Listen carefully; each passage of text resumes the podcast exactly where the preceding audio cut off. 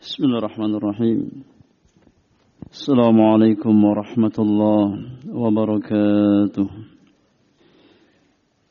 إن الحمد لله نحمده ونستعينه ونستغفره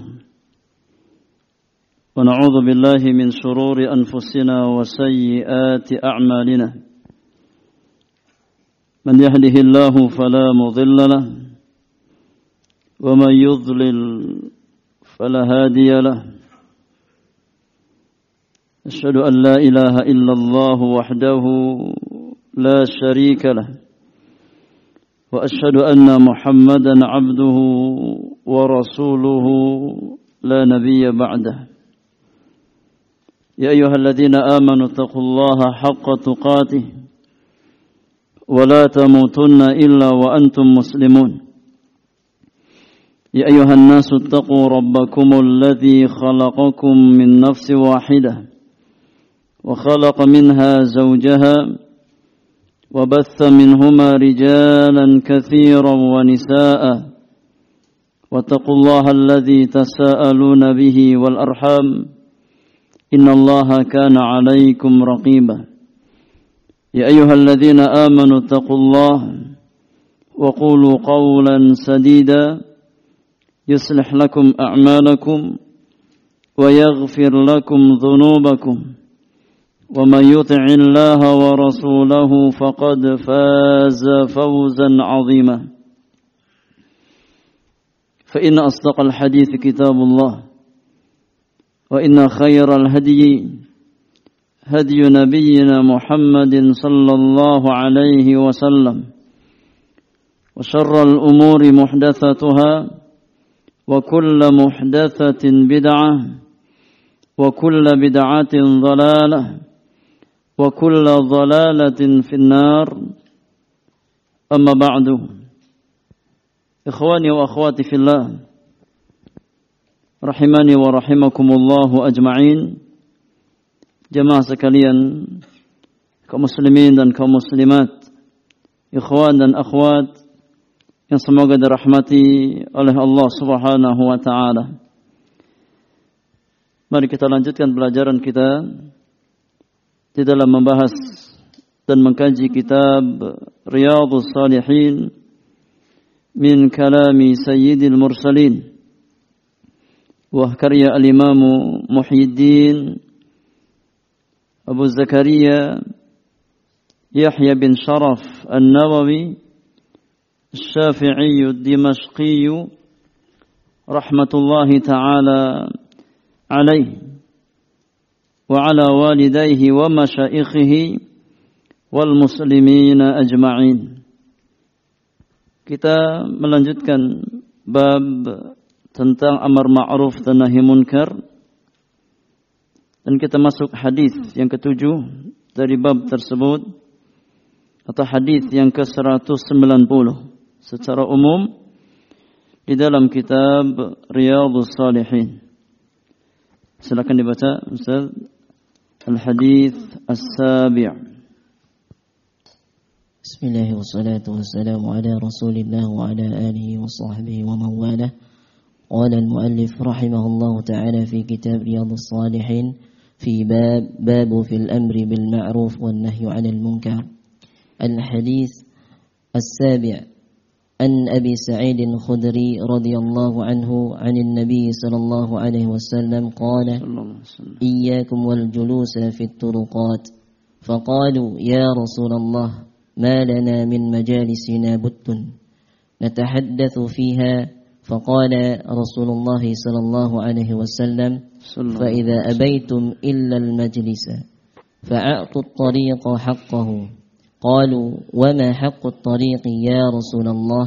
قال غض البصر وكف الأذى ورد السلام والأمر بالمعروف والنهي عن المنكر. متفق عليه. طيب جزاك الله خيرا وبارك فيك. Hadis yang ketujuh di dalam bab amar ma'ruf dan Al-Imam membawakan sebuah hadis yang muttafaqun alaih dikeluarkan oleh Al-Imam Al-Bukhari dan Muslim di dalam kedua sahihnya. Adapun Al-Imam Al-Bukhari beliau bawakan hadis ini di antaranya di dalam kitab Al-Mazalim di dalam sahihnya. Kitabul Mazalim babu afniyatid dur wal julusu fiha. Hadis nomor 2465. 2465 di dalam kitab Sahih Al-Bukhari.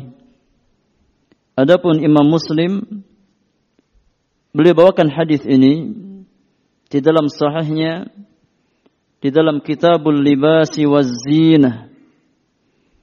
Babun nahyi 'anil julusi fit turuqat. Bab larangan duduk di jalan. Hadis nomor 2121 di dalam kitab Sahih Muslim.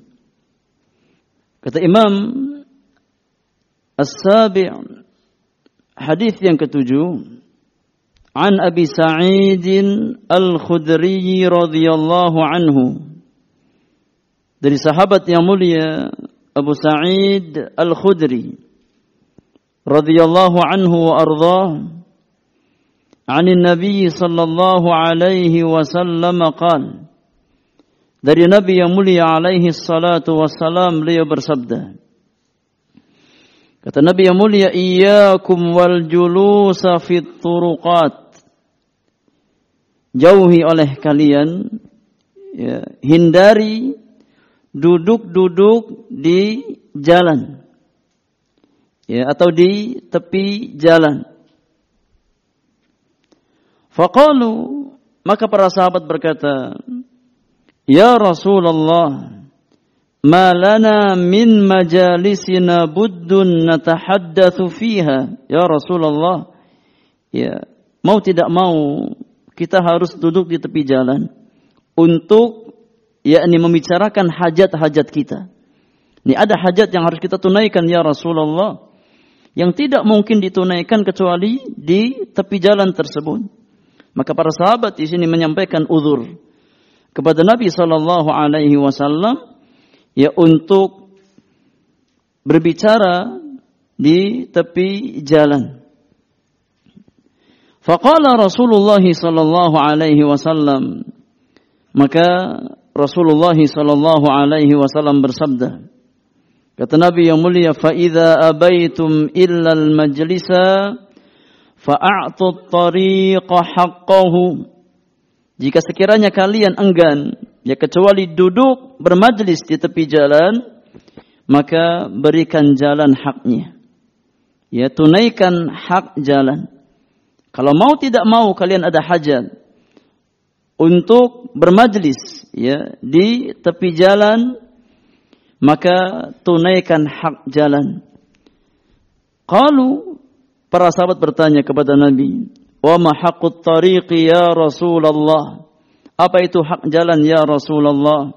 Qala maka Nabi yang mulia alaihi salatu wasalam bersabda menjelaskan di antara hak-hak jalan yang wajib ditunaikan oleh seseorang yang yakni dia duduk di tepi jalan. Kata Nabi yang mulia, di antara hak jalan adalah ghaddul basar. Seseorang berusaha untuk menundukkan pandangan. Ya, menundukkan pandangan dari perkara-perkara yang dilarang oleh Allah Subhanahu wa taala. Yang kedua, wa kafful adza. Ya, kafful adza. Ini berusaha untuk menahan diri dari gangguan ya, atau menyingkirkan gangguan dari uh, jalan. Yang ketiga, waraddus salam. Menjawab salam. Tatkala ada orang yang mengucapkan salam kepadanya. Yang keempat, kata Nabi yang mulia wal amru bil ma'ruf. Memerintahkan kepada yang ma'ruf. Memerintahkan kepada kebaikan dan hak yang kelima, kata Nabi yang mulia wan nahyu anil munkar ya melarang dari perkara yang munkar dalam hadis ini Rasulullah sallallahu alaihi wasallam menjelaskan lima hak jalan. Jadi antara hak-hak jalan yang wajib ditunaikan oleh seseorang ya yang dia berhajat untuk berdiam di pinggir jalan. Al-Imam Al-Hafidh Ibnu Hajar Al-Asqalani rahimahullahu taala beliau mengumpulkan yakni jalan-jalan hadis tentang hak jalan. Di dalam kitabnya Fathul Bari Al-Imam Al-Hafidh yani mengumpulkan hadis-hadis yang berkaitan dengan hak-hak jalan. Ya, maka dari sejumlah hadis yang beliau kumpulkan tentang hak-hak jalan beliau mengumpulkan ada sekitar 14 hak.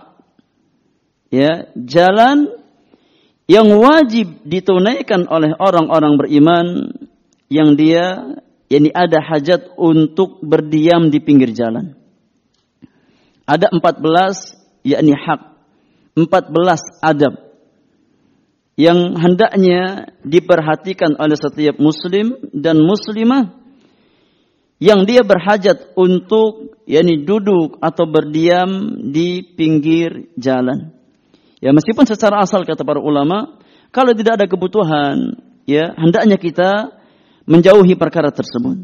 Ya kalau tidak ada hajat, maka yang lebih selamat bagi seorang muslim adalah tidak duduk-duduk di pinggir jalan. Namun terkadang seseorang memang ada hajat, ada kebutuhan. Ya mau tidak mau dia harus berdiam di pinggir jalan. Ya, untuk hajatnya, untuk kebutuhannya. Maka ada 14 adab, 14 hak jalan yang wajib diperhatikan oleh setiap muslim dan muslimah. Al-Imam Al-Hafidh Ibn Hajar berkata di dalam kitabnya Fathul Bari kata beliau wa majmu'u ma fi hadhihi al-ahadith arba'ata asyara adaban ya dan jumlah keseluruhan majmu' ini total keseluruhan dari semua hadis-hadis Rasulullah sallallahu alaihi wasallam yang berbicara tentang adab jalan itu ada 14 adab. Ya, yang disebutkan dalam hadis Abu Sa'id ada berapa? Ada lima. Ada ada lima. Maka itu sebagian bukan keseluruhan. Ya, itu sebagian dari adab-adab jalan. Ya. Jama'atu adaba man ramal julusa ala tariq. Al-Hafidh Ibn Hajar beliau kumpulkan 14 adab tersebut ya dalam yakni tiga bait syair. Ya beliau susun menjadi tiga bait syair yang mengumpulkan 14 adab di antara yakni hak-hak jalan. Kata Al-Hafidh, jama'tu adab man ramal julusa ala tariq min qawli khairil khalqi insana. Aku mengumpulkan adab-adab orang yang hendak duduk di tepi jalan. Ya, aku kumpulkan adab-adab tersebut dari mana? Min qawli khairil khalqi insana dari sabda dari ucapan manusia yang terbaik. Itu siapa? Rasulullah sallallahu alaihi wasallam. Aku kumpulkan adab-adab tersebut dari ucapan manusia termulia, manusia terbaik. Itu Nabi kita Muhammad sallallahu alaihi wasallam. Afsus salama wa ahsin fil kalami wa shammit atisa wasalaman rudda ihsana. Adab yang pertama adalah afsis salam. Ya, yakni menyebarkan salam. Menyebarkan salam. Ini adab yang yang pertama. Ini mengucapkan salam. Menebarkan menebarkan salam. Wa ahsin fil kalami. Adab yang kedua kata beliau yakni berucap yang baik. Wa ahsin fil kalam. Mengucapkan kalimat-kalimat yang baik. Ya berkata yang baik. Ini adab yang kedua. Adab yang ketiga wasyammit atisa dan ini doakan orang yang bersin. Tasmitul atis apa maknanya? Ini mendoakan rahmat bagi orang yang bersin. Tatkala orang yang bersin tersebut mengucapkan apa? Alhamdulillah. Maka didoakan yarhamu kallah. Itu namanya tasmitul atis. Tasmit al-atis. Yani mendoakan orang yang bersin dengan rahmat Allah Subhanahu wa taala. Itu adab yang ketiga. Wasalaman rudda ihsana. Ya. Dan yakni jawablah salam.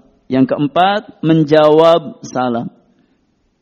Menjawab salam. Ya tatkala kita duduk di pinggir jalan, kemudian ada yang mengucapkan salam, ya maka jawab salam tersebut. Usahakan dengan jawaban yang lebih lebih baik. Nah, dengan jawaban yang lebih yang lebih baik atau minimal apa? Minimal sama. Ya, minimal sama dengan salam yang diucapkan. Assalamualaikum Waalaikumsalam warahmatullah atau Waalaikumsalam. Ya. Assalamualaikum warahmatullah Waalaikumsalam warahmatullahi wabarakatuh atau Waalaikumsalam warahmatullah. Ya, jadi uh, jawab dengan yang lebih baik atau minimal sama dengan salam yang diucapkan. Kemudian adab yang kelima. Kata Al-Hafidh fil hamli awin wa mazluman a'in wa aghith lahfana bantulah ya orang yang yakni mengangkat sesuatu ya dia mengangkat sesuatu maka dibantu. Ya. Mungkin dia mengangkat sesuatu untuk dinaikkan ke kendaraannya maka dibantu. Itu di antara adab. Ya tatkala seseorang di pinggir jalan wa madluman a'in. Ya tolonglah orang yang dizalimi ini adab yang keberapa? Yang keenam. Ya, menolong orang yang terzalimi wa mazluman a'in wa aghith lahfana. Yang ketujuh memberikan yakni pertolongan kepada orang yang membutuhkan. Ya, lahfana tolonglah orang yang membutuhkan pertolongan. Itu adab yang yang ketujuh. Ighathatul lahfan. Ya, ini menolong atau membantu orang yang membutuhkan pertolongan. Itu namanya ighathatul lahfan. Ya, seperti nama kitab. Karya siapa? Kayak karya Imam Ibnu Qayyim. Ya, beliau punya kitab namanya Ighathatul Lahfan min Masaidis Syaitan. Ya.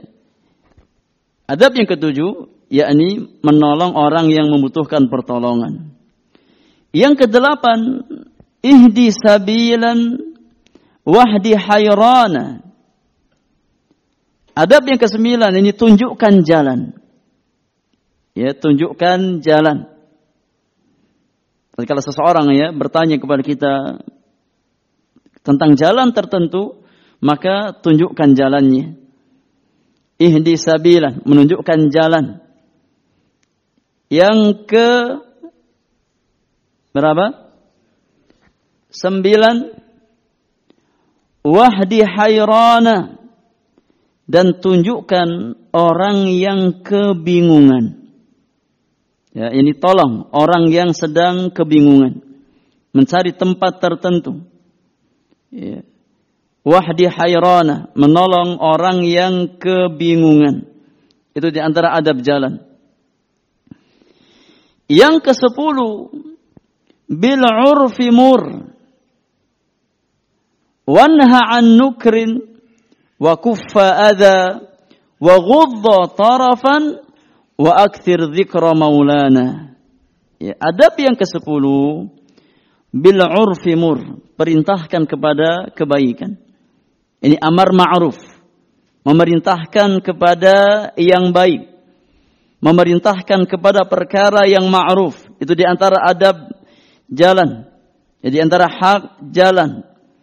Wanha an nukrin dan laranglah dari perkara yang munkar atau yakni nahi munkar. Ini yang ke-11. Melarang dari perkara yang munkar.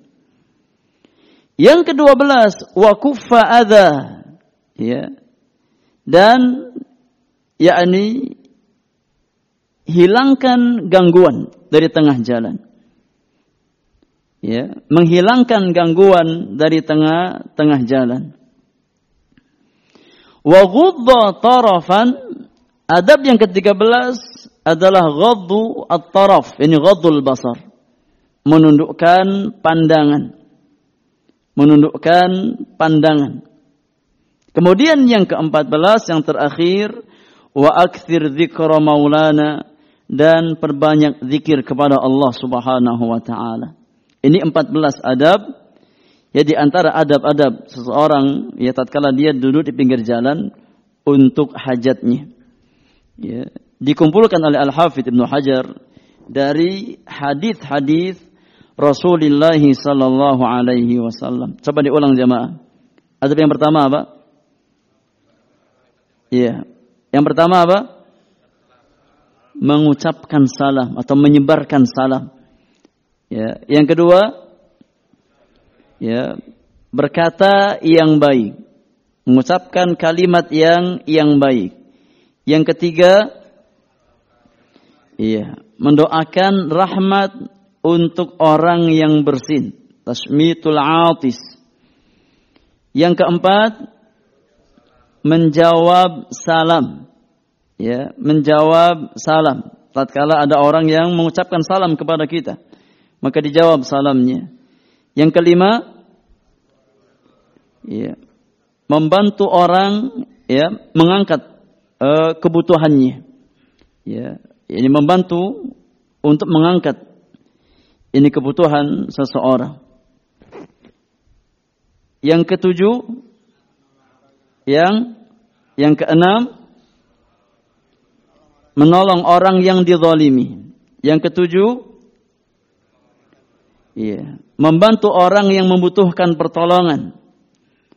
Yang kedelapan menunjukkan jalan, ya, ya menunjukkan jalan. Yang kedelapan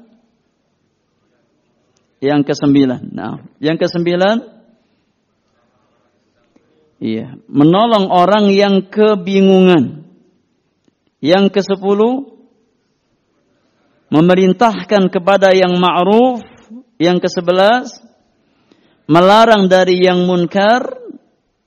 Dua belas, menghilangkan gangguan atau menyingkirkan gangguan dari jalan. Yang ke tiga belas, menundukkan pandangan. Yang ke empat belas, memperbanyak zikir kepada Allah Subhanahu wa taala. Ini 14 ya hak jalan yang hendaknya ditunaikan oleh seorang muslim dan muslimah tatkala dia harus yakni berhajat untuk berdiam di pinggir jalan. Tapi kita ambil beberapa faidah dari hadis yang ketujuh. Yang pertama, ya di antara faidah yang bisa kita ambil dari hadis yang mulia ini kata Syekh Salim bin Id al-Hilali hafizahullah taala kata beliau at-tariqu sa'idun mushtarakun bainal muslimin. La yajuzu ihtikaruhu ليستأثر به أو ليستأثر به أو قطعه أو tadyiquhu فهو من الحقوق العامة. Yani jalan adalah yakni hak yang sifatnya mustarak. Ya, ini hak bersama. Hak bersama yang tidak boleh dikuasai oleh ya sebagian orang. Itu hak ya bersama untuk kaum muslimin.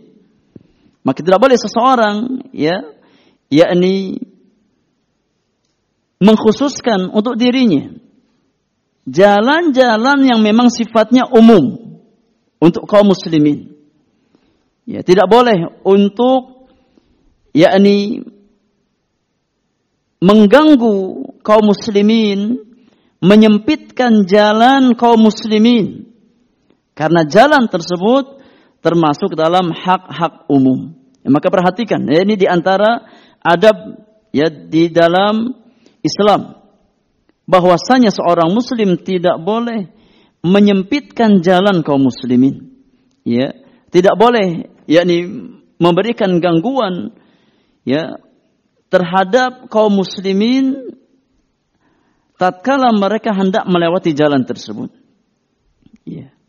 Maka di antara perkara yang sering kali menjadi sumber perselisihan ya di antara sesama kaum muslimin terkadang dalam apa masalah jalan. Ya tatkala sebagian kaum muslimin tidak memperhatikan adab. Ya, maka yang ada adalah yakni perselisihan di antara kaum muslimin. Ya, secara khusus ya tatkala kita tinggal di yakni kompleks tertentu. Ya, yang mana di kompleks tersebut ada jalan yang menjadi hak semua warga di situ. Ya. Tatkala seseorang tidak memperhatikan adabnya, akhirnya apa? Dia bersifat egois. Ya seolah jalan tersebut adalah milik pribadi, padahal milik siapa? Padahal milik umum. Ya, maka perhatikan secara khusus ya bagi kita yang memiliki kendaraan. Ya, jangan sampai kita memarkirkan kendaraan kita di jalan umum kaum muslimin yang berpotensi untuk menyempitkan jalan kaum muslimin dan mengganggu jalan kaum muslimin. Ingat di antara adab jalan apa? Menyingkirkan gangguan. Ya dari tengah jalan kaum muslimin. Ya. Maka di antara konsekuensi iman adalah seorang mukmin berusaha untuk menyingkirkan gangguan dari jalan. Ingat kata Nabi Shallallahu Alaihi Wasallam di antara hak jalan adalah kaful adha, menyingkirkan gangguan. Dan menyingkirkan gangguan dari jalan itu di antara cabang keimanan. Di antara cabang apa? Di antara cabang keimanan. Tatkala Rasulullah sallallahu alaihi wasallam menjelaskan tentang cabang keimanan, ya. Kata Nabi sallallahu alaihi wasallam, "A'laha qaulu la ilaha illallah." Cabang iman yang paling tinggi adalah kalimat tauhid la ilaha illallah. Wa adnaha imatatul adha anit tariq. Dan yang paling rendah adalah menyingkirkan gangguan dari dari jalan. Ya. Maka tidak mengganggu jalan kaum muslimin ini di antara tanda keimanan seorang hamba ya oleh karenanya ya jangan sampai kendaraan kita ya menjadi pundi-pundi dosa bagi kita. Ya, kenapa? Karena kita tidak memperhatikan adab jalan. Ya, terkadang banyak perselisihan ya di antara sesama tetangga atau yakni warga kompleks tertentu karena tidak memperhatikan adab ini. Ya dia parkir seenaknya. Ya sehingga orang lain yang mau lewat apa? Terhalang, nggak bisa lewat. Maka ini termasuk kezaliman. Ya termasuk kezaliman. Ya. Hendaknya kita yakni memarkirkan kendaraan kita pada tempatnya. Pastikan tidak menghalangi jalan ya yakni saudara-saudara kita yang lain. Tidak mengganggu jalan mereka. Karena jalan itu hak siapa? Hak umum. Ya bukan hak pribadi. Kalau memang itu jalan umum, maka jangan dikhususkan untuk yakni mobil pribadi kita. Ya, karena itu hak hak umum, hak mustarak. Ya, yang sifatnya yakni umum. Kemudian faidah yang kedua dari hadis yang mulia ini kata beliau jawazul julusi fit tariq bisyurutil madhkurati fil hadis. Ya. Hadis ini menjelaskan bolehnya seseorang untuk duduk di tepi jalan. Boleh. Ya. Dengan syarat-syarat yang telah disebutkan di dalam hadis di atas. Ini syaratnya apa? Syaratnya menunaikan hak jalan. Seseorang boleh untuk duduk di pinggir jalan atau berdiam diri di tepi jalan dengan syarat dia mampu menunaikan hak jalan tersebut. Ya. Meskipun secara asal yang lebih selamat adalah seseorang menghindari karena Nabi sudah mewanti-wanti dari awal. Ya, Nabi sudah mewanti-wanti dari awal. Iyakum wal julusa bituruqat. Ya, jauhi oleh kalian duduk-duduk di pinggiran jalan. Maka secara asal, ya kalau kita mampu untuk tidak duduk di pinggir jalan itu yang terbaik. Ya, itu yang lebih selamat. Ya, namun kalau seandainya mau tidak mau kita ada hajat di sana, maka hukumnya apa? Hukumnya boleh. Ya, dengan catatan kita menunaikan hak-hak jalan yang Nabi Shallallahu alaihi wasallam kabarkan. Kemudian faidah yang ketiga kata Syekh Salim bin Aid Al-Hilali hafizahullah taala dari hadis di atas kata beliau tahrimun nazar ila auratil muslimin. Hadis ini ya menunjukkan haramnya melihat ya aurat-aurat kaum muslimin. Karena Nabi memerintahkan kita untuk ghadul basar. Untuk menundukkan pandangan. Ya. Kemudian faidah yang keempat. Kata beliau ghadul basar wa kafful adha wa raddus salam wal amru bil ma'ruf wan nahyu 'anil munkar umurun wajibatun umurun wajibatun yakni lima perkara yang Nabi sebutkan dalam hadis di atas menundukkan pandangan ya yakni menahan diri dari gangguan kemudian menjawab salam, memerintahkan yang ma'ruf, melarang dari yang munkar, itu semua hukumnya apa? Hukumnya wajib. Ya, hukumnya wajib atas setiap muslim. Sebagaimana yang Nabi Shallallahu Alaihi Wasallam sebutkan dalam hadis di atas, ya, yang menjadi hak yang wajib untuk ditunaikan oleh seorang seorang muslim. Kemudian faidah yang kelima. Kata beliau al-muslimu yashtaghilu bima yuslihuhu wa yuslihu mujtama'ihi wa yuslihu mujtama'ahu hatta fi waqti julusihi aw faraghihi. Kata Syekh Salim, seorang muslim ya yakni dalam kondisi apa pun berusaha untuk menyibukkan dirinya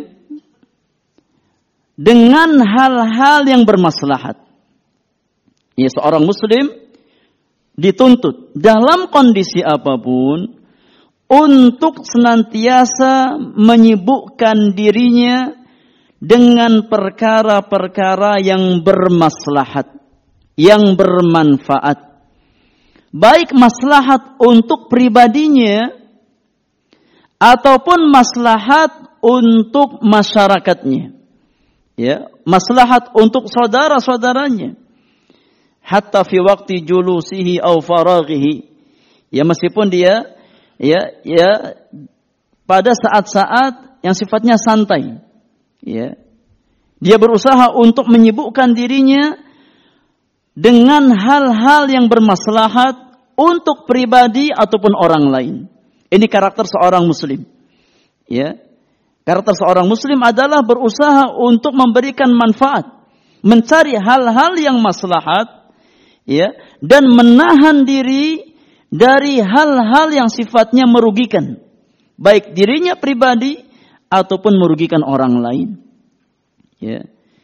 Maka Rasulullah Sallallahu Alaihi Wasallam mengajarkan kepada setiap orang-orang beriman untuk menjadi pribadi yang bermaslahat, yang bermanfaat.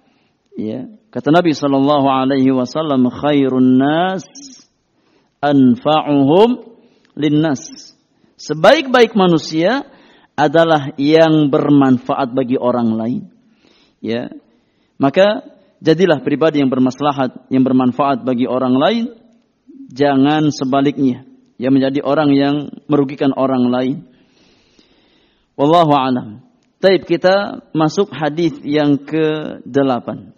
Ya, masuk hadis yang ke-8. Silakan dibaca. Al-hadits al-thamin عن ابن عباس رضي الله عنهما أن رسول الله صلى الله عليه وسلم رأى خاتما من ذهب في يد رجل فنزعه فطرحه وقال يعمد أحدكم إلى جمرة من نار فيجعله فيجعلها في يده. فقيل للرجل بعدما ذهب رسول الله, رسول الله صلى الله عليه وسلم خذ خاتمك انتفع به. قال لا والله لا آخذه أبدا وقد طرحه رسول الله صلى الله عليه وسلم. رواه مسلم. طيب جزاك الله خيرا وبارك فيك. حديث yang ke-8 yang dibawakan oleh al-Imam di dalam bab adalah sebuah hadis yang dikeluarkan oleh Imam Muslim di dalam sahihnya di dalam kitabul libasi wa zina babu tahrimi khatami dhahab ala rijal.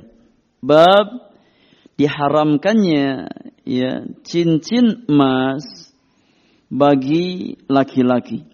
Hadis nomor 2090 di dalam kitab sahih muslim. Kata imam Al-Thamin hadis yang ke-8 An Ibn Abbas radhiyallahu anhuma.